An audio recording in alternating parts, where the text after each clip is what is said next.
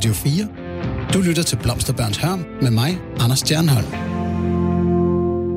Og velkommen til Blomsterbørns Hørm, et samfundskritisk debatprogram, hvor vi måler og vejer hippietidens idéer for at finde de af dem, vi kan bruge i dag og i fremtiden til at gøre vores verden fredeligere, kærligere og federe. Jeg vender de her idéer sammen med gode mennesker her i studiet. Hippier, der var der dengang. Jo! Weren't even there, man. Nogle nutidige åndsfælder, og så også nogle mere ædru og lødige stemmer fra forskningen eller politikens verden, så det hele ikke bliver ren togsnak.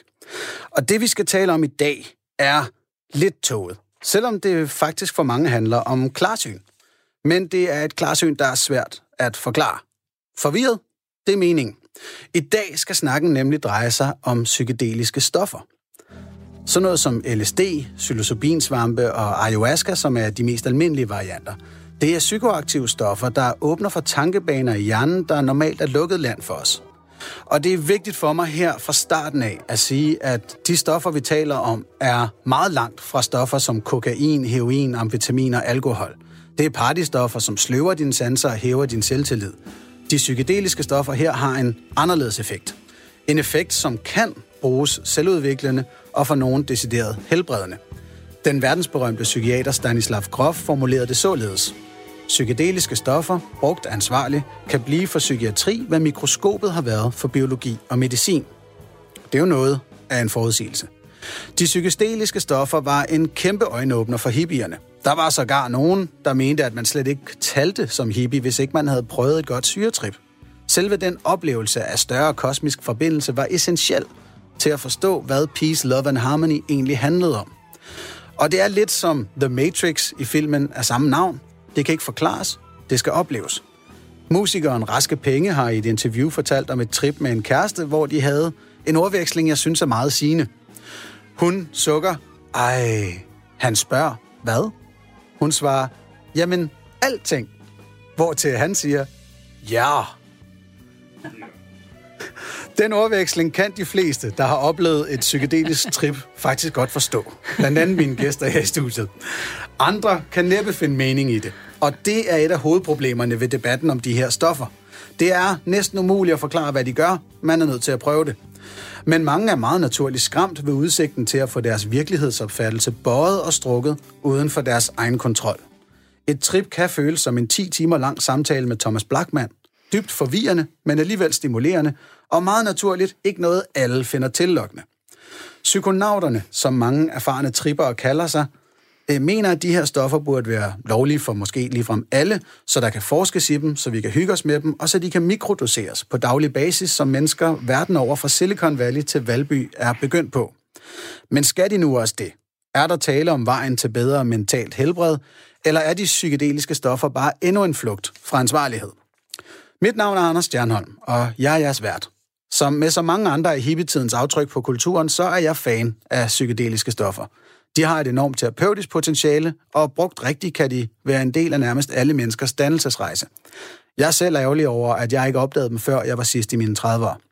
Onde tunger vil måske omvendt sige, at jeg bare godt kan lide at blive svimmel af ulovlige substanser, og gerne vil have nemmere ved at få fingrene i dem.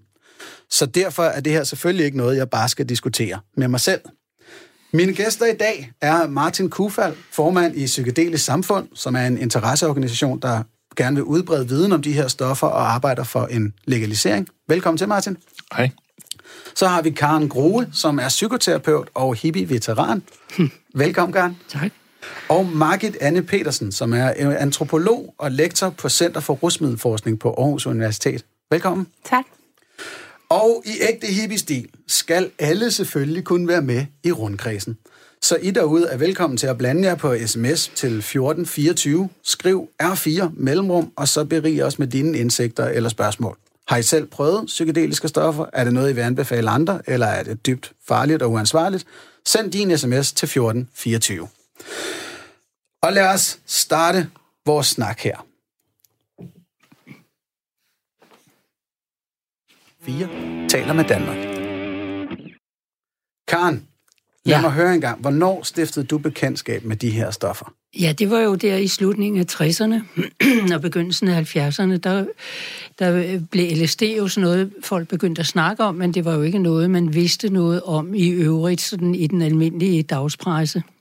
Så det var sådan et, et undergrundsfænomen, som, som øh, folk snakkede om, og så mødte man jo nogen, der havde taget det, og eftersom der jo var hele den her store hippie-bevægelse, hvor at, altså, at ungdomsoprøret startede, og det startede jo i høj grad på grund af atomtruslen, øh, altså at vi vidste, at vi kunne blive udslettet af, af de her atomvåben, og jo gik øh, atommarscher og den slags, øh, og vi også var klar over, at forureningen på et eller andet tidspunkt ville blive så voldsom, at, øh, at, at vi ville dø af det det var faktisk det, der satte, var med til at sætte ungdomsoprøret i gang, plus selvfølgelig Vietnamkrigen. ja, det, her, det er lidt en klassiker. Det er en klassiker, Når, når jeg spørger øh, og jeg, så... jeg gamle hippie om ting i det her studie, så kommer altid hele forklaringen. Det er det, men, men det, det er forklaringen, fordi hele tiden så bliver man bare skudt i skoene, at man bare ville peace, love and uh, harmony, og så lå man der og, og gassede ud. Det gjorde vi jo ikke. Men der kom LSD jo ind som noget, vi virkelig kunne bruge, fordi det ændrede vores bevidsthed. Og, og det var jo det, vi gerne ville, fordi vi kunne godt se, at den kollektiv bevidsthed, man havde på det tidspunkt, var jo det, der havde skabt forureningen. Det var det, der havde skabt krigene. Og så tænkte vi, der måtte være en anden vej. Og hvad, hvad tænkte du før, du prøvede det? Mm, om om LSD og, og de her stoffer? Jamen, jeg tænkte, at det var spændende. Altså, fordi øh, vi havde jo fået at vide, øh, der var jo ikke særlig meget viden, der var jo heller ikke viden om, om heroin og de der ting, der var jo ikke særlig meget viden om det. Jamen. Man havde godt hørt, at, at jazzmusikere brugte noget, der hed marihuana og sådan noget. Det havde man hørt, måske. Men ellers vidste man jo ikke en brik om det. Og, øh, og det vil sige, at det man vidste, det var jo, at nogen man kendte havde taget det og fået rigtig meget ud af det, og så tænkte man, det vil jeg da også prøve. Ja, jamen, og, og hvornår prøvede du det så? Det kan, jeg kan ikke huske årstallet, men det har været der i, i slutningen af 60'erne, begyndelsen af 70'erne. Og det hvordan, har været i begyndelsen af 70'erne, ja. Hvordan var den første oplevelse? Ja, det, kan, altså, det er jo et par år siden, ikke? Men øh, altså, den første oplevelse, mm, jamen... Øh, Nå, men jeg var da helt klar over, at jeg, jeg tror, jeg oplevede nogle meget dybe ting omkring mig selv, nu jeg tænker efter. Altså, jeg oplevede nogle, øh, Øh, faktisk var det ikke noget nemt trip, det var det ikke. Jeg kom ind i nogle ting omkring der, hvor jeg har nogle personlige vanskeligheder, som jeg egentlig ikke var klar over dengang. Jeg var jo kun lige akkurat 20, ikke? Mm. Så jeg var jo ikke sådan voldsomt selvreflekteret på det tidspunkt. Men, øh, men jeg oplevede da, at jeg havde nogle problemstillinger, og, og det, det brugte jeg det jo så til senere hen, at øh, jeg tænkte, der er et eller andet her i mig, som jeg ikke rigtig ved, hvad er for noget. Og nu er jeg jo så senere blevet psykoterapeut, så derfor kan jeg jo ligesom beskrive, hvad det var, jeg så oplevede senere hen. Det var jo, at jeg kom ned i en eller anden dynamik i, i mig selv, som jeg pludselig kunne forstå på, på et større plan. At jeg kunne forstå, at grunden til, at jeg reagerer, eller tænker, eller føler på de her måder, det er fordi, der er sket de og de og de ting i min barndom. Og, øh, og så kunne det faktisk opløse sig. Sådan oplevede jeg det. Ja. Altså opløste det, så opløste de der ting, jeg havde der, Øh, og andre gange, så fik jeg jo nogle dybere indsigt i universet. Øh, jeg fik også nogle dybere indsigt i øh, celler. Jeg oplevede celler. Og jeg kan også huske en gang, jeg var tog LSD og tog ud i øh, dyrehaven, hvad man jo tit gjorde. Øh, det gjorde jeg helt alene. Og så ja, stod syrehaven. Ja, netop i syrehaven. Så stod jeg der og talte med et træ i længere tid. prøv lige stop, prøv lige stop. ja. Du stod og talte med et træ. Ja. Ja, det, det her det er godt, fordi vi har lige fået den første sms ind omkring, at det er forkasteligt, vi står og opfordrer til stofmisbrug. Og muligvis vil nogen derude tænke, jeg har ikke brug for at tale med træer. Nej. Æ, altså, hvad, hvad talte de om? du har træet? Jamen, vi talte jo... Altså, det jeg oplevede var, at, at træet øh, henvendte sig til mig. At jeg kunne ligesom se træets sjæl. Den rislede op og ned af stammen. Og så stod jeg bare der og var, var fuldstændig betaget. Og så kom der jo en rytter forbi, øh, og så sagde han, er det dig, der er rose? Ja, okay, det bliver, så bliver det heller ikke nemmere. Og der vil, Nej, vel? jeg skal lige understrege her, vi opfordrer selvfølgelig ikke til, at man øh, tager stoffer, og slet ikke til stofmisbrug, som der er blevet sagt i den her sms. Men vi kan måske lige slå ned i det der med, at du ser træets sjæl risle. Altså, ja. en af de ting, vi jo i hvert fald ved om, om LSD's effekt, det er, at, at øh, ens syn bliver noget øh, forvrænget og at meget kan smelte og, og vibrere i ens mm. synsfelt. Ja. Var det ikke lige så meget bare det, der skete? Ja, det er jo svært at sige. Altså nej, det oplever jeg ikke, fordi man, du kan godt sige, at ens syn bliver forvrænget, og når nu de siger, at det er forkasteligt og opfordrer til at tage stoffer, så vil jeg sige, nej, det opfordrer jeg faktisk personligt ikke til, fordi at det er ikke noget at lege med, men vi legede med det dengang. Øhm, fordi der var ikke nogen til at, at vejlede os, og pludselig var muligheden der, vi brugte den. Så hvis 20-årige Karen stod her nu, så vil du ikke anbefale hende at gøre, hvad du gjorde? Nej. Det er da godt at få på plads. Ja. Men så lad os komme tilbage til hele det holistiske her ja. med atomkraft og Vietnamkrigen og sådan Nemlig. noget. Hvad gjorde LSD for hippiebevægelsen? Jamen, den gjorde jo, at man, at man frisatte sig fra den, fra den tankegang, man, man ligesom havde fået indpået i skoler og hjem, ikke? Altså, den kollektive tankegang ændrede sig jo rent faktisk, og man begyndte at tro på, at der kunne være en anden måde at løse konflikter på i verden og løse problemer på. Og det handlede jo meget om altså, sammenhængskraft, og at øh, man skulle være sammen, og man skulle løse problemerne sammen, og man skulle ikke udnytte, udnytte nogen. Man skulle hverken udnytte naturen eller, eller andre mennesker. Så hele den der anti-imperialistiske tankegang om, at alle skal have lige rettigheder og sådan noget der, det var sådan nogle ting, man oplevede, at det var jo en realitet. Så det vil sige forbundethed, og det kan jeg jo godt ja. se, hvis du kan føle dig forbundet med et træ, så føler man sig også i den grad mere Lige forbundet præcis. med andre mennesker. Man føler sig forbundet med hele, med hele alt levende. Yes, og hvad, øh, var der den her opfattelse af, at enten forstod man det, eller også forstod man det ikke? Eller er det mig, der læser det for hårdt ind? Nej, der var jo sådan noget, hvad skal man sige, nogle kamikaze-typer, som sagde, at det skulle man bare gøre, ikke? Øh, altså, der, men, men det var jo ikke sådan, at der blev lagt pres på folk. Altså, det er ikke, ikke det, jeg har oplevet i hvert fald. Men selvfølgelig var der jo nogen, der sådan ligesom tænkte, at det, det her er sagen, og, og hvis ikke du er med, så er du imod. Eller, altså, sådan, sådan noget opstår jo meget nemt. Men egentlig, nej, altså... Synes du, at man kan forstå de her stoffer uden at prøve dem selv? Ja, det tror jeg godt, man kan. Altså, nu er jeg jo selv uddannet til det, der hedder hol- hol- holotropic breathwork. Altså, og der er jo masser af meditationsformer, hvor du kan have de samme oplevelser, fordi det er jo ikke stoffet, der laver en oplevelse inde i din hjerne. Det er en, den åbner til en oplevelse, du kan have under alle omstændigheder. yes. Enten spontant, eller fordi, at du bruger en metode. Så lad os øh, lukke øh, den historiske gennemgang her, og så øh, komme til vores første runde omkring, hvad de her stoffer egentlig kan. Du lytter til Blomsterbørns Hørn med mig, Anders Stjernholm.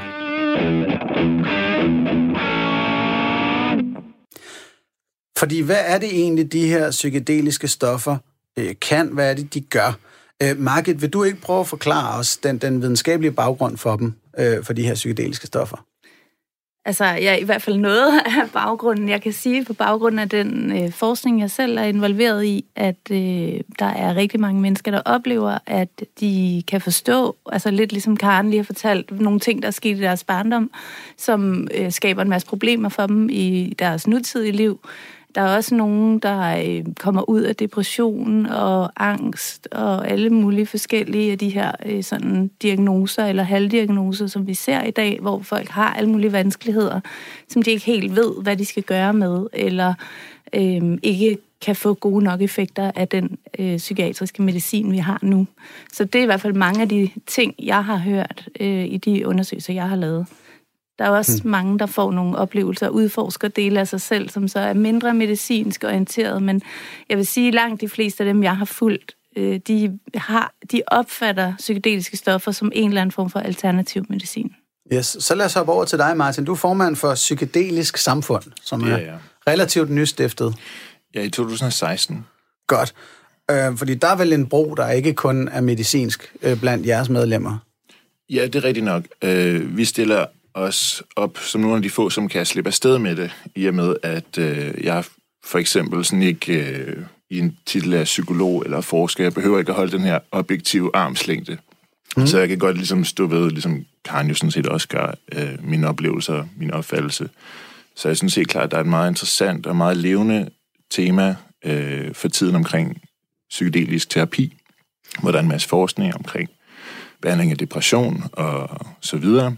Øhm, men jo, altså på et personligt plan, så kan det jo også noget. Så sådan, selvom man endnu ikke er et sted, hvor man er, har en behandlingsresistent depression, så vil jeg jo også gerne føre argumentet for, at det kan være interessant. Rigtig nok ikke for alle. øh, tag det endelig ikke som en opfordring til, at alle enhver ligesom bare skal prøve det, fordi det, det har vi ligesom fundet ud af, trial and error, at, at, det, at det nogle gange, så, så går det galt. Man skal, det er enormt, jeg betragter det som værktøjer, og de er meget potente, så ligesom en motorsav. Øh, man skal lige have en indføring. Måske at man ikke typen, som skal grænne ud med en motorsav. Måske er man ikke typen, som skal tage psykedeliske stoffer. Ja, og vil du øh, prøve at forklare os, hvad det er, der sker, når man tager dem? Ja, øh, som du selv sagde, så er det jo svært. Øhm, jeg kan jo fortælle måske om min første oplevelse, da jeg var øh, 23 år. Øhm, jeg var ved at skrive bachelor. Og øh, mig og min ven havde, øh, han havde øh, adgang til noget LSD. Og vi startede forsigtigt, fordi uha, LSD må hellere være varsom omkring det. Så øh, en dag så tog jeg sådan et, øh, et halvt mærke. Og, og der kan vi lige sige, et mærke, det er et mærke, et sådan, kan man kalde pap, en standarddosis. Ja, lige har præcis. lidt af stoffet ja, i. Tak for at fange mig i jargon. øhm, men øh, der havde vi sat en dag af til at gå rundt i København. Øhm, og det var sådan en rigtig smuk efterårsdag, men jeg synes ikke, det virkede. Fordi jeg tror, jeg havde en eller anden idé om, at så ville der sådan ske forvrængninger og måske hallucinationer, eller jeg vidste jo ikke helt, hvad jeg gik ind til, men yes, øh, jeg vil gerne udforske det, ikke? Øhm, egentlig så var det bare en rigtig, rigtig smuk dag. Og jeg var sådan meget, jeg tror, sådan set bagud, så virkede det. Men jeg troede ikke, det virkede. Øhm, egentlig så var jeg bare sådan meget indlevet på den her dosis, ikke? Mm. Øh, det er altid meget sådan doseafhængigt. Så på et senere tidspunkt, så prøvede vi igen med en fuld dosis. Og øhm, jeg, da jeg ligesom ramte, det var inde i en, en, en have, jeg satte ned på en bænk, og jeg synes, indtil da havde jeg også den der følelse af sådan, hvornår sker der et eller andet, ikke? Øhm, men så sådan, jeg satte ned, så det her træ, og det var bare enormt smukt. Apropos træer. Igen træ. ja, ja. Øh, og det var som om, at de rent faktisk sådan, så det her træ på en, på en meget sådan, man kan sige, frisk måde. Øh, noget, som blev tydeligt for mig på den, i løbet af den oplevelse efter, det var, at, at jeg tror sådan, øh, det var ikke en nysgerrighed omkring bevidsthed og hvordan vi egentlig opfatter verden. Øh, som udgangspunkt, så tolker vi verden i, på en eller anden symbolsk måde. Ikke? Altså, vi tager en masse data input ind fra sanserne, og det bliver behandlet kognitivt, indtil der ligesom er nogle modeller tilbage. Så jeg tror ligesom, før det, der havde jeg ligesom bare sådan set øh, nogle blade og en stamme og så videre, og så havde jeg ligesom tænkt træ, og så færdig. Mm. Men der var et eller andet mentalt filter, som var blevet fjernet, så jeg ligesom kunne betragte det her træ, som måske mere som et, øh, et barn gjorde, altså uden alle mulige forudindtagelser. Og øh, også, jeg tror, målet er noget, der kultiveres i for eksempel zen, buddhisme, den her øh, ikke-konceptuelle måde at se tingene på. Det er så en effekt, øh, og det er et ret stort emne, og der er skrevet bøger, og det er rigtig svært at snakke om. Men på sådan en, Ja. ja. kalde det standarddosis LSD, så var det her min oplevelse dengang. Alright, vi kan prøve at tage den sådan lidt mere øh, kliniske tilgang her. Øh, øh, psilocybinsvampe viste nemlig lovende resultater for mennesker med uhelbredelige depressioner i et engelsk studie i 2016. Det var baseret på kun 12 forsøgspersoner, som tog et enkelt trip på de her 5-6 timer, det gerne var, med, med psilocybin, som er et af de stoffer, man finder i de her svampe.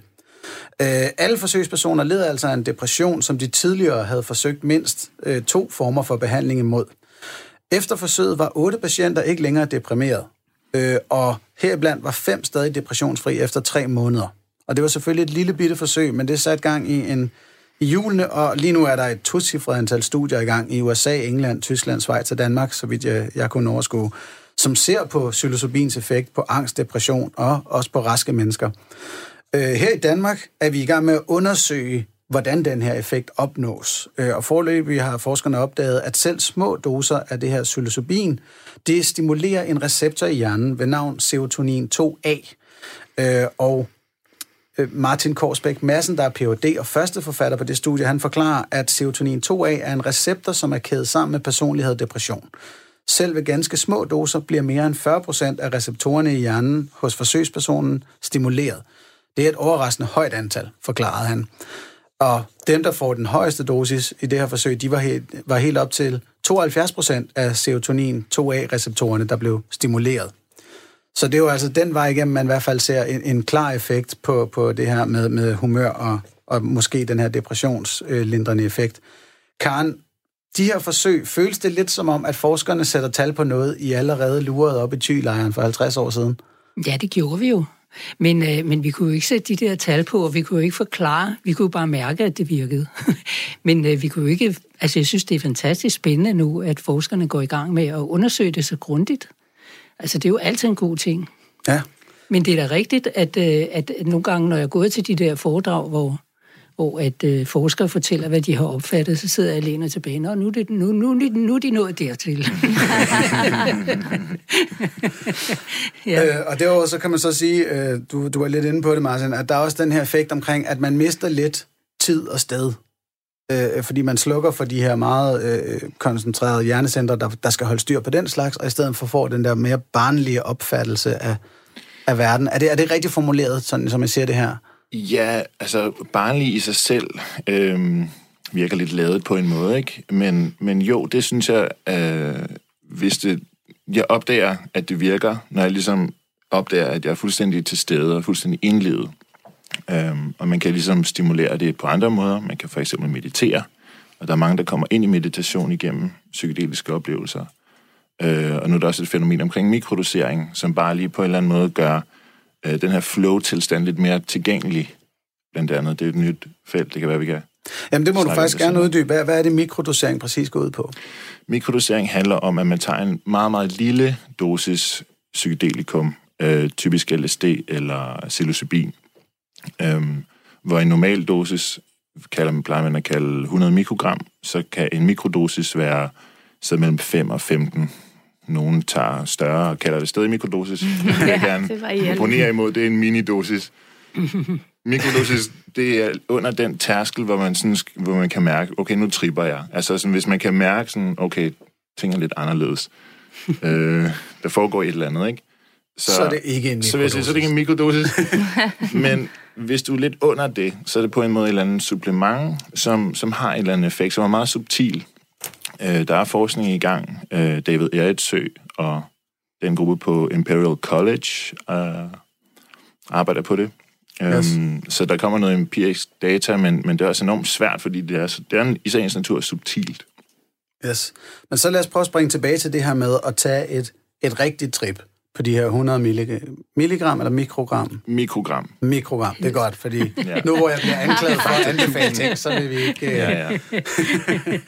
Øh, øh, Karen, hvad mener du, det her kan gøre for folk med sindslidelser? Jamen, det øh, kan jo helt klart gøre noget, og, og samtidig må man jo også advare folk mod at gøre det selv, hvis de rent faktisk har sindslidelse, fordi at, øh, at det, der jo er vigtigt, er, at man bliver guidet igennem og det er jo også sådan, Stanislav Grof brugte det i sin tid. Han brugte det jo som psykiater tilbage i 50'erne, og der guidede han, det har han jo skrevet meget om, hvordan han har guidet mennesker, der har haft seriøse mm. problemer. Bruger du det i, i din terapi? Nej, fordi det er forbudt, men jeg har øh, arbejdet i Brasilien i mange år, øh, hvor vi har brugt det øh, lovligt i nogle sammenhænge, ja. Okay, og hvordan fungerer det så der? Altså sådan en terapisession? Jamen, der har, der har folk været der i øh, 14 dage ad gangen, og øh, for dem har det jo virkelig været en livsforandrende oplevelse, fordi at vi har været sammen der i 14 dage og, og virkelig bearbejdet en hel masse ting. Øh, der bliver, tripper man i 14 dage? Øh, nej, ikke hele tiden. Okay. ikke hele tiden. Men, øh, men øh, pænt meget. men det, der okay. sker, er jo, at, øh, at, at, at altså det, der jo i høj grad sker, det er jo, at man kommer tættere på sig selv, og hvad der egentlig er væsentligt i ens eget liv. Og det vil sige, at man skræller en hel masse af det overflødige i sit eget liv væk, fordi det er noget, man har fået påført på en eller anden måde, som ikke er relevant i ens liv.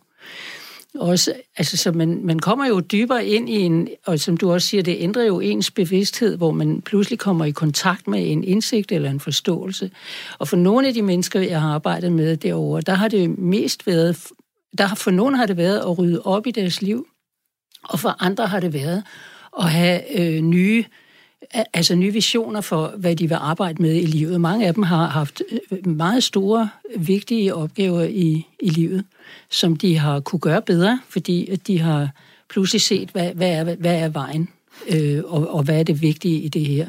Og de har fået nogle, nogle virkelige redskaber til, hvordan at de kan komme videre med det, de arbejder med i, i deres liv. Snakker Okay. vi om et ayahuasca-retræte? Det er ayahuasca, ja. Godt. Og, og Margit, øh, Ja. nu, skal, øh, nu skal Karen ikke bare have lov til at prale med sit arbejde. Du forsker i det her. Ja. er, er det, sådan som, som Karen fortæller det, er det også dit indtryk af, hvad, hvad folk får ud af at bruge de her stoffer? Ja, rigtig meget. Altså, der er virkelig, det, det er jo meget varieret. Det, det er faktisk meget mere varieret, end jeg havde forestillet mig, hvem det er, der gør det, og hvad de får ud af det.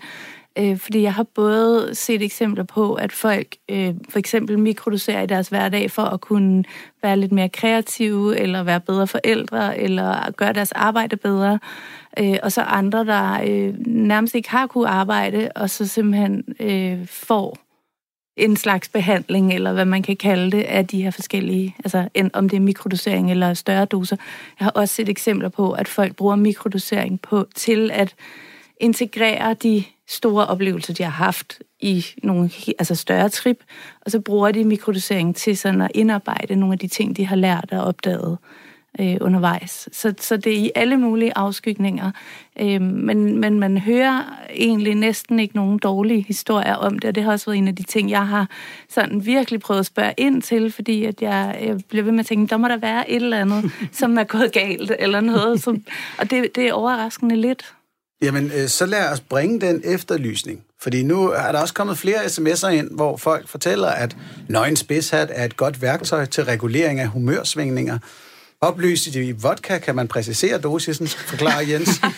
Og se, nu får jeg yderligere anklager om, om anbefaling. Der er også nogen, der siger, at syre under den rette setting, setting må være acceptabel snart. Ingen opfordring ganske vist, men har fået forklaret ønsker med livet osv. Og så er der også folk, der siger, men hey, prøv lige at efterlyse lyttere med negative konsekvenser for deres syretrip. Og det vil jeg meget gerne gøre. Lad os endelig høre fra jer. Du kan sende en sms på 1424, skriv R4 mellemrum, og så fortæl os, hvis du har haft en, en negativ oplevelse med, med de her stoffer.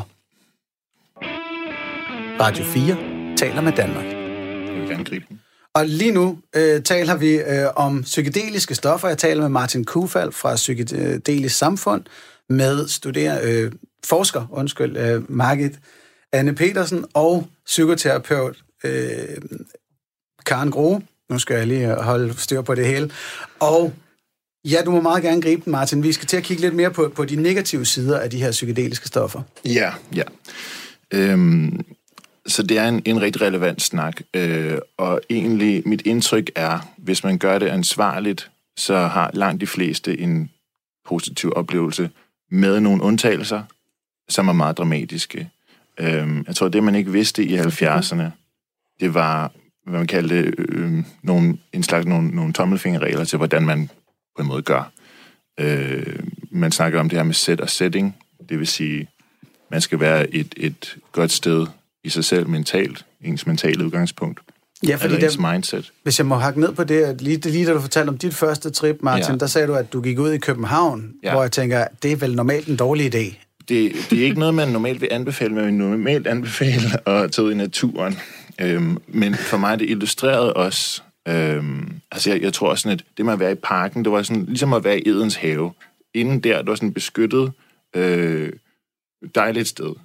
Ja, så Under alle omstændigheder. Så da, altså, da jeg ligesom kom ud i, i samfundet, sådan, så kørte der en bus forbi med en reklame, like os på Facebook og et eller andet. Ikke? Altså den her eller anden kollektiv stemning, hvor, hvor sådan, egentlig sådan fik jeg sådan... Altså, det var... Øh, jeg ønskede mig tilbage i, i haven, indtil vi kom hjem og hørte noget spids nøgenhat. øhm, men øhm, jo, okay, men dårlige oplevelser, de sker, det er et faktum, og jeg har selv sådan været i situationer, hvor det er stukket helt af. Det kan være meget dramatisk. Vil du, Øh. vil du uddybe? Det vil jeg det gerne. Øhm, Og jeg kan også sige, hvad man kan gøre ved det. Så lad os øh, starte med lige Ja, at det høre synes jeg. med nogle af de dårlige oplevelser. ja, ja.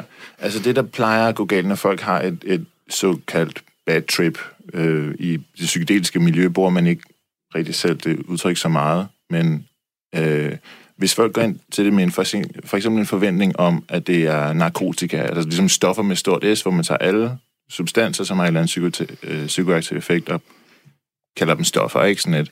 Øhm, hvis folk bruger det på den måde, som typisk handler lidt om måske at dulme et eller andet, altså at drikke sig fuld eller ryge sig skæv, det er ligesom på en eller anden måde øh, indsnæver bevidstheden i en vis forstand. Ikke? Sådan at det gør, at man kan abstrahere fra ting, som man måske ikke har lyst til at forholde sig til lige på det tidspunkt.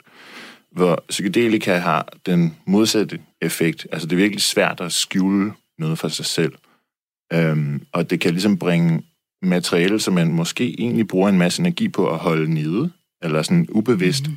er der en masse mekanismer, som beskytter en fra at komme ind og mærke nogle følelser, eller traumer, eller, eller et eller andet. Øhm, det at den effekt, som gør det rigtig interessant terapeutisk som værktøj, men hvis man bliver kastet ud i det, med en forvent, med, uden en egentlig vilje til, at det der skal ske, så kan det være dramatisk. Plus at hvis folk tager meget høje doser, eller tager det i omgivelser, for eksempel sådan, man kan kalde det kødbyen en fredag lørdag aften. Eller sådan et. Jeg er sikker på, at det er blevet gjort, og de fleste er på en måde også sluppet ret uskadt fra det, men det kan være meget, altså en, ens filtre, som jeg snakker om med min første oplevelse, at, at øh, de filtre, som man ligesom normalt har til at navigere i, i dagligdagen og i verden, bliver lige udfordret, og man bliver på en eller anden måde ukampdygtig gjort i et stykke tid. Øhm, og det gør, at hvis man er i en tryg setting, og for eksempel i, i sin guided psykedelisk station, så kan man komme ind i noget meget følsomt materiale og få det forløst. Men hvis man er i en eller anden kaotisk situation, Roskilde Festival eller et eller andet, ikke, hvor der sådan lige pludselig vælter der nogen ind, og man bliver ligesom, man skal forholde sig til autoriteter, eller vold, eller panik, eller et eller andet, ikke? så kan det ja. faktisk, så er man, sådan, man kalder det, sjælens forsvarsværker er lige sat ud af spillet midlertidigt, så kan det godt sætte sig som traumer. Og det øh, forklarer Mads på sms'en. Han forklarer, at han var spændt fast i en måned. Men I siger jo setting, forklarer han, og vil aldrig anbefale direkte, med at være op til det enkelte individ. Uh, Mads gør det endnu, men sjældent, forklarer han. Uh, det lyder som om, at der er noget trial and error der. Ja. Men ja, så Karen, du siger, du vil også lige nævne, hvad man kunne gøre, hvis det går galt. Ja, fordi øh, der er ikke noget, der går galt faktisk. Der er jo en proces, men det, der kan gå galt, er jo, at den proces ikke kan forløbe. Altså, det er jo ligesom, at man prøver at føde, og så stopper fødslen midt i det hele, så har man balladen. Mm. Øhm, og det er jo der, hvor at for eksempel Stanislav Grof, han var jo i, øh, han var i San Francisco i 1968, og der var en hel del bad trips at tage sig af, og han sagde, at det var da det nemmeste at gøre noget ved. Oh. Øh, jo, jo, jo. Fordi han sagde, at de skulle bare have en ordentlig dosis. og så kom de tilbage. Så førte han dem tilbage til der, hvor, det var, hvor kæden var hoppet af. Den skal simpelthen lige forklare. Så hans løsning var at give endnu mere syre? Ja, under ordnede forhold. Fordi han kunne det jo. Han kunne. Altså, hvis man læser hans bøger, så kan man jo se, at han kunne jo virkelig det der. Det var, det var jo opfundet. Så han bragte jo folk tilbage til der, hvor at, at det var gået galt for dem. Og så lavede han det færdigt. Og det, det vil jeg sige, at med alle de erfaringer, jeg har med, med ayahuasca over i Brasilien, at der har vi ikke haft bad trips. Men det findes ikke. Lad os lige dykke ned i en enkelt af, af de dårlige erfaringer, som er ja. øh, landskendt her i Danmark. Uh, vi har fået en sms ind fra Trine, som forklarer, at i 1971 var det store samtaleemne gys, at Provoknud, ja. en legendarisk hippie, knivmyrdede sin bedste ven ja. øh, i et LSD-trip. Ja. Det må vi alligevel sige, det, det, det var en dårlig trip. ting, ja. Men han ja. skulle jo aldrig have taget det. Og det er så spørgsmålet, hvordan ved man... Og det kunne, for det første, og for det andet ved vi jo ikke, om, om, om han havde gjort det alligevel. Nej, men, men hvordan ved man, om man ikke skal tage det? Eller tage, Jamen, det er jo her? der, hvor man laver set og setting, og det er jo der, hvor man taler med et menneske inden, altså som vi gjorde. Øh, altså, vi, vi snakkede jo med folk om det, øh, om, om de i det hele taget skulle deltage. Mm. og der var der nogen, man fik at vide, at det skulle de der måske lade være med. Der er alle screeninger i forhold til ayahuasca retreats, i hvert fald ja. her i Danmark, ikke? i forhold til, om man tager noget medicin, hvilket noget mad man spiser, man skal lade være med at spise særlig meget i dagene op til osv., så, videre. så der er jo alle mulige øh, forholdsregler eller screeninger, som bliver foretaget, men, men man kan selvfølgelig gøre mere. Ja. Altså, jeg er da glad for at kunne give nogle, øh, nogle hustips derude, så det vil sige, efter julemiddagen, der skal man ikke gå i gang. Der har man simpelthen for meget mad i maven. Nej, men det er jo også det, at, at hvis du ikke forstår de dynamikker, der er aktive, Altså, og, og, altså, det er jo der, hvor der kan være en efterbehandling, fordi man kan sige, at i Brasilien, mange af de mennesker, der var der, mange af deres øh, sessioner kunne jo være endt i det, man kalder et bad trip. Men det gjorde de jo ikke, fordi at vi var et hold af mennesker, der vidste, hvad, hvad det handlede om. Og det vil sige, at vi kunne færdig, de kunne færdiggøre deres, deres proces og få noget ud af den. Mm. Så... Men øh, altså, nu, nu er jeg 32 år gammel, og øh, jeg kender ikke Provo Knud. Øhm, umiddelbart, hvis vi er ikke selv syre en, der hedder Provo Knud. Men, øhm, men altså, det er et rigtig, rigtig godt spørgsmål, fordi, som sagt, der bliver screenet. Hvem er det, der bliver screenet fra? Øhm, mm. Hvis folk har et, mm, allerede har et nogenlunde løsagtigt greb om virkeligheden, øh, har relativt let adgang til, hvad man sige, ændrede bevidsthedsformer eller sådan noget, ikke? Så, så, så vil man ikke ordinere psykedelika. Det er mere i det andet tilfælde, hvor, hvor man er måske sådan på en måde fanget i sin virkelighed, der er det et redskab til at bryde ud af den her subjektive virkelighed, og erkende, at der er en eller anden virkelighed. Men øh, der er nogen, som ikke har behov for det. Øh, typisk hvis man, hvis folk har lider en eller anden lidelse, der, der starter med skizo, skizofreni, skizotypi, bipolar, mm. er også noget, man plejer at advare imod, fordi at psykedeliske oplevelser godt kan afstedkomme for eksempel en manisk episode. Ja. Øhm, så det skal man være bevidst om. Typisk hvis der er personlig historik med øh, nogle af den her slags lidelser, eller måske endda i familien, så plejer man at advare folk imod at forsøge sig med det her. Og for lige at fortsætte i advarslerne, så har vi fået en skræmmende sms fra Christian, der forklarer, jeg arbejder på lukket psykiatrisk afdeling. Sidste mm. år fik vi en tvangsindlagt, der var psykotisk som selvmedicineret med svampe. Jeg blev overfaldet af vedkommende, da han troede, jeg var en mumie. Det er muligt, der er gode behandlingsmuligheder, men tænk over, jeres trip kan have voldsomme konsekvenser for andre. Øh, vi lukker lige den her med de negative sider med et sidste spørgsmål. Øh, kan det her være afhængighedsskabende? Nej. Ved I det, Market? altså, det tror jeg ikke, det er. Øh, det kan måske være psykologisk afhængighedsskabende, mm. hvis man får nogle oplevelser, man gerne vil have igen, altså, eller mm. man vil blive ved med at arbejde med nogle ting, men jeg synes ikke, øh, der er noget, der tyder på, hverken i forskning eller i alle de oplevelser, jeg har øh, snakket med folk om, øh, som tyder på, at der er noget afhængighedsskabende. Du lytter til Blomsterbørns Hørm med mig, Anders Stjernholm. Og vi taler altså om psykedeliske stoffer i dag. Ting som LSD, psilocybinsvampe og ayahuasca. Og nu har vi været igennem lidt af de, mange af de gode sider, lidt af de dårlige sider, og så er spørgsmålet, hvordan skal vi så forholde os til de her stoffer fremover? Fordi hippierne har så gennemgået en lang trial and error for os. Vi har, nogen, for nogle er det gået godt, og for andre er det gået skidt. Øhm, skal de her stoffer være lovlige fremover? Og i så fald, hvordan? Hvad tænker du der, Martin? Mm, altså, vendt om kan jeg ikke helt forstå, hvorfor det skulle være ulovligt. Altså, hvorfor at man skulle retsforfølges øh, eller kriminaliseres for at gøre nogle af de her ting, som jo egentlig øh, sådan personligt subjektivt kan øh, være meget positivt.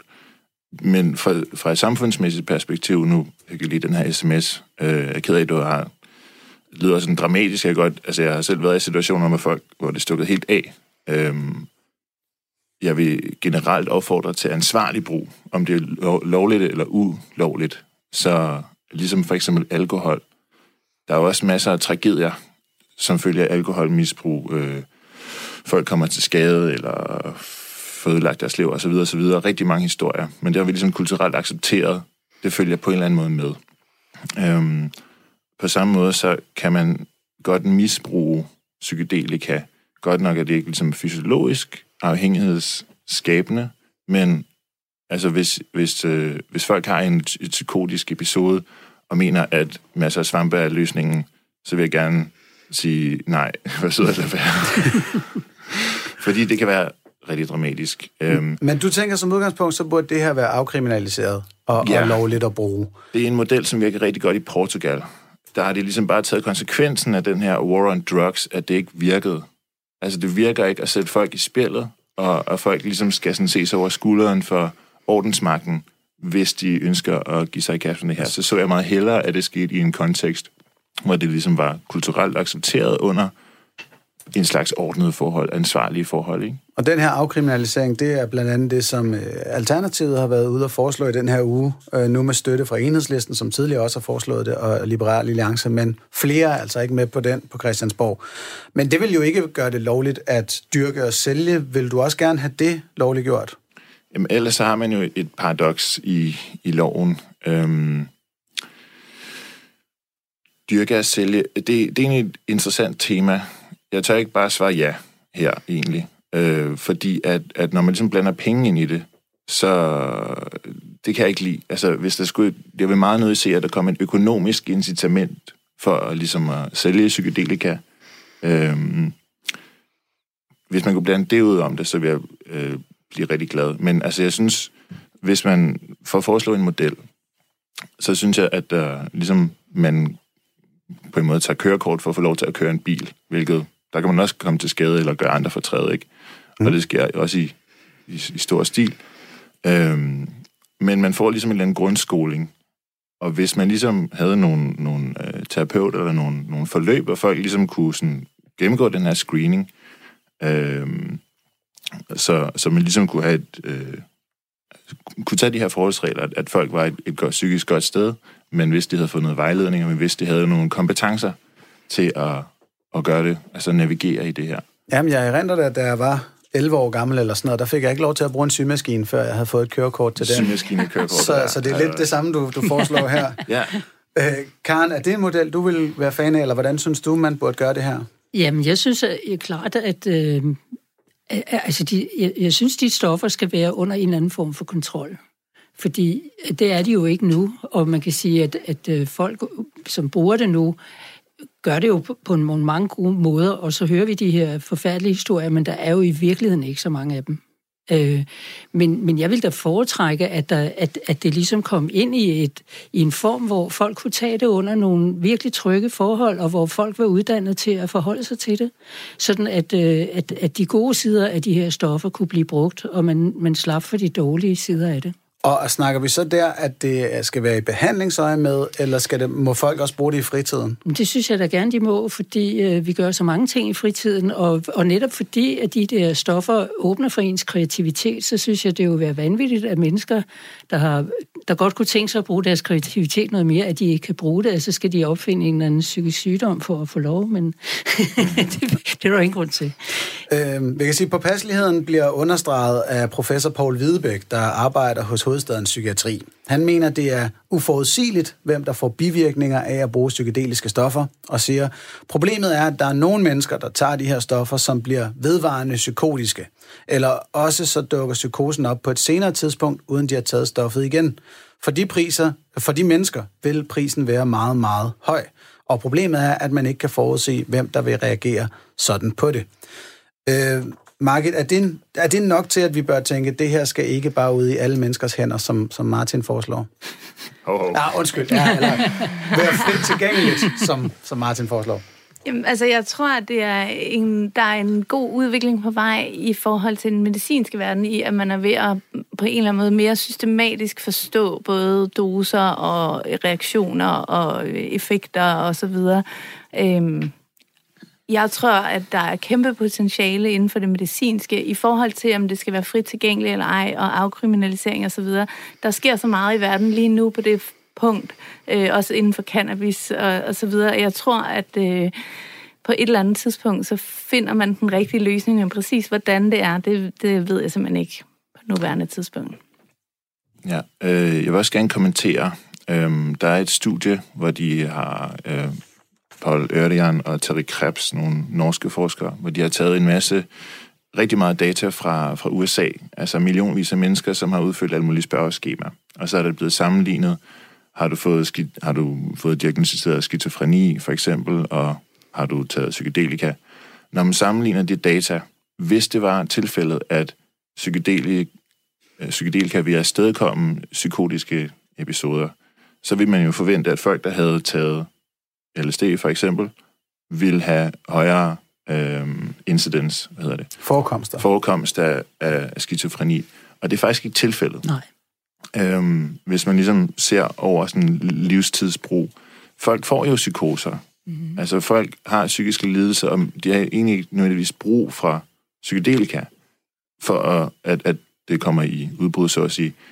Men det er rigtigt nok, at hvis man har anlæg for det, så kan det godt ligesom sende en ud over kanten. Så kan det godt være, at det kommer senere, det kan godt være, at det vil komme senere alligevel. Øhm, det er så det, som så de det er lidt samme problemstilling som med, med det, der hedder kaldes hashpsykoser, at sandsynligvis er det, eller muligvis er det ikke hassen, der inducerer dem, det er faktisk bare folk, der er disponeret for dem, som så på et tidspunkt har, har brugt cannabis. Ja, det er den ene ting. Øh, men det er jo også det, at, øh, at netop hvis, hvis en, en proces ikke er blevet færdig, og det er også det, Grof sagde, altså at, at de der backlash, folk kan få senere hen, at det handler jo om, at der er en dynamik, der ikke er blevet færdig, eller en gestalt, der ikke har gjort sig færdig, og det har ikke noget med stoffet at gøre. Det har noget at gøre med, at der er blevet åbnet op til noget, som ikke er blevet gjort færdigt. Øhm, og i det øjeblik, man gør det færdigt, så er der ikke noget mere, så er problemet løst. Jamen, og det lyder så til at være altså kernerisikoen her. Mm-hmm. Som du siger, jamen, du sparker nogle døre ind, Ja. og hvis ikke du behandler, hvad der er i rummet, Så har så kan det gå galt. Så Ja. har vi måske en, en ny provoknud. Lige, ja. Uh, undskyld, men det er for at tage den, den mest alvorlige konsekvenser. Jo. uh, uh, Margit, i din forskning og jeres uh, ja, undersøgelser, er I stødt derpå folk, der sparker døre ind og ikke får det klaret, og hvad, hvad risiciene er der?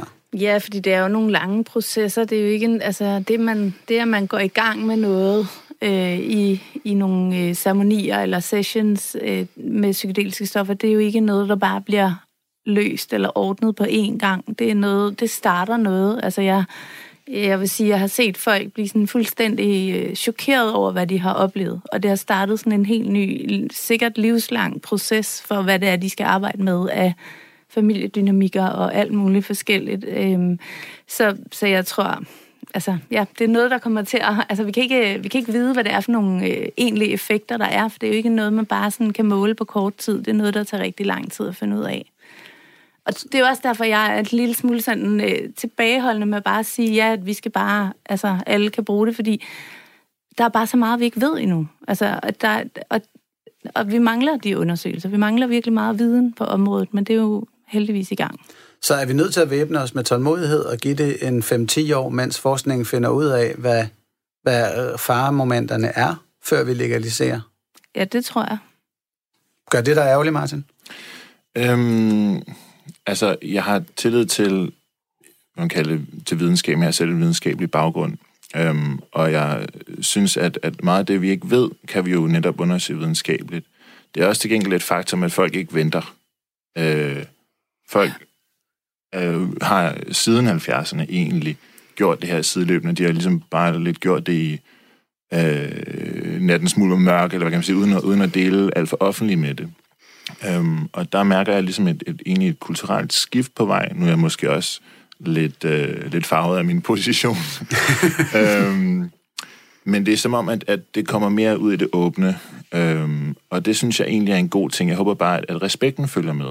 At, at man i samme åndedrag som... Altså, nu vil jeg jo så godt som formand for Psykedelisk Samfund sige, det kan være en god idé for et individ at gøre det under eget initiativ. Under eget initiativ. Bare tage forholdsreglerne, sæt dig ind i det, øh, og, og gøre det på en ansvarlig måde. Ikke? Så du får en god oplevelse, og så andre ikke skal deale med dig øh, på en kedelig måde. Ikke? øhm, men, men det er det der med, at vi kan komme med alle de gode intentioner og alle de gode råd, vi vil her i, i radioen. Men faktum er, at i dag kan man, hvis man er snil på internettet, få fingrene i et, i et, et mærke, som du kaldte det tidligere, for 70 eller 100 kroner. Og så kan man lynhurtigt sidde og være toget rundt, og det er man så muligvis inde på strøget i København, hvis man ikke har tænkt sig ordentligt om. Øh, hvordan kan vi på en eller anden måde regulere og sørge for, at, at vi er forsigtige nok med de her stoffer? Altså, det er jo rigtigt nok, det er frit tilgængeligt. Hvis man er snil på dark web eller sådan noget, så kan man få det tilsendt. Og, og så ligesom, for et vist perspektiv, så er det jo tilgængeligt, og det har været tilgængeligt i lang tid. Det er simpelthen bare virkeligheden. Øhm, det, som jeg håber følger med, det er ligesom kultur, at, at for eksempel, hvis folk hvis de er interesseret i det her, så kunne de måske øh, få fat i en bog, som hedder The Psychedelic Explorer's Guide af James Fadiman, øhm, hvor det ligesom står opsummeret, hvad, hvad handler det om? Hvordan gør man det på en god måde? Ikke? Øhm, men det er egentlig også svært at, at læse sig til, fordi det, ja, det handler på en måde om noget andet, og øh, en nok så velmenende øh, ven kan, kan måske ikke være den, der allerbedst kan lede en, altså ledsage en i en psykedelisk rejse, så jeg vil nok anbefale, ja. hvis folk er interesseret, så, så kig lidt omkring. Øhm, der er forskellige udbydere, der, der sker ayahuasca-retræter i Danmark, øh, og, og private aktører. Nu må, må jeg hellere afbryde dig, for ellers så kan jeg virkelig få Ja, ja, ja. cheferne på nakken. Altså, jeg, jeg har også bemærket, at den britiske David Nutt, han sammenlignede, sammenlignede på et tidspunkt MDMA med heste. Altså, og det er jo lidt det samme her. Jamen, det kan være rigtig sjovt at sætte sig op på et halvanden ton tungt dyr, men det er en rigtig god idé at lære, hvordan du gør først. Ja, Øh, ellers så, så går det i hvert fald hurtigt galt. ja. Afslutningsvis, øh, er vi forsigtige nok med de her stoffer i Danmark? Synes I det? Jamen, det kommer jo an på, hvem... Jeg synes, ja. der er mange, der tager det på nogle måder, jeg, jeg, jeg ikke synes... Altså, som jeg synes er for stor en risiko, hvor folk tager det netop, altså, og render ud på gaden og, og drikker nogle øl oveni og sådan noget der. Det vil jeg da i den grad sige, det var en dårlig idé. Det er alt for stor risiko. Øhm, så, så det- det kommer jo an på, hvem, hvem du snakker med. Altså, øhm, mm. i, i, i det miljø, der, der, der tager det, der er jo nogen, der er meget, meget, meget fornuftige og ansvarlige, og så er der nogen, der er fuldstændig uansvarlige. Men det, det er jo... Ja, ja. Ja. Altså jeg vil sige, det, mange af dem, jeg har fulgt, har jo også været i sådan nogle øh, communities eller sådan, øh, ja, grupper, som har arbejdet med det terapeutisk. De, altså, er, i forhold til andre øh, brugere af forskellige stoffer, der er dem, der tager de psykedeliske stoffer, meget mere reflekteret og ansvarlige end nogle andre, jeg har mødt. Men, og det er jo så det, der er risikoen. Der er vel også nogle unge mennesker i Kødbyen eller lignende steder, som tænker, at nu skal vi trippe på LSD. Ja. Uden at vide, hvad det er. Ja. Og der kan vi jo så sige herfra, at det skal bare stoppe. Eller hvad? Det er i hvert fald ikke en god idé. nej. Altså, det var heller ikke for at gøre reklame for, for noget sted, det vil jeg slet ikke indlede mig på. Men det er mere, min pointe var mere sådan, gør det under kontrolleret forhold. Entrér med nogle mennesker, som ligesom har erfaring i at, øh, i at guide og sætte rummet, så det sker på en, en god måde. Øh, men der sker dramatisk historie, det, det er et faktum. Jeg vil gerne slå et slag for, øh, for eksempel i Portugal, hvor de har en, altså den her afkriminalisering, det åbner for noget samarbejde mellem myndigheder og for eksempel festivaler, hvor man, altså hvor Roskilde Festival har den her sådan, don't do drugs, only alcohol, agtige politik. Øhm, der har man på andre festivaler for eksempel sådan et, et såkaldt harm reduction, den skadesreduktionsinitiativ, hvor hvis du har et svært trip, øh, så er der et sted, hvor du eller måske dine venner kan hjælpe dig hen, hvor der er mennesker, som ligesom på frivillig basis, jeg har selv været der, øh, kan tage imod folk og, og ligesom hjælpe folk igennem, så man ikke ender i den her sådan en uforløste, mm. sådan en klassisk psykedelisk oplevelse af den her subjektiv død og genfødsel. Hvis man kun kommer halvvejs igennem, så har man et traume. ja. øhm, men så, så det her, den her slags initiativ, initiativer håber jeg på, at der sker en udvikling i, at der sker en opkvalificering af det psykedeliske miljø, ikke kun i forhold til at gøre det fornuftigt selv, men også ligesom, at vi sådan kollektiv som psykedelisk samfund øh, også kan, kan gribe og hjælpe i det her tilfælde, hvor det faktisk stikker af. Så vi skal både øh, uddanne brugerne og have en eller anden form for ambulanceenhed, når det går galt igen, af, af de anbefalinger, jeg hører jer, og så måske fra markedets side af, der, der er brug for lidt flere erfaringer, før vi kan tillade os at afkriminalisere og give det i hænderne på, på alle. Jo, men det er jo ligesom du siger med hesten, ikke? Altså, at man skal lære det. Altså, hvorfor, vi kunne jo lige så godt have nogle institutioner, hvor man lærer det og bruge det. Og det kan vi så faktisk argumentere for, det burde vi også gøre med alkohol. Ja, det ville da være en god idé. Eller kø- bilkørsel.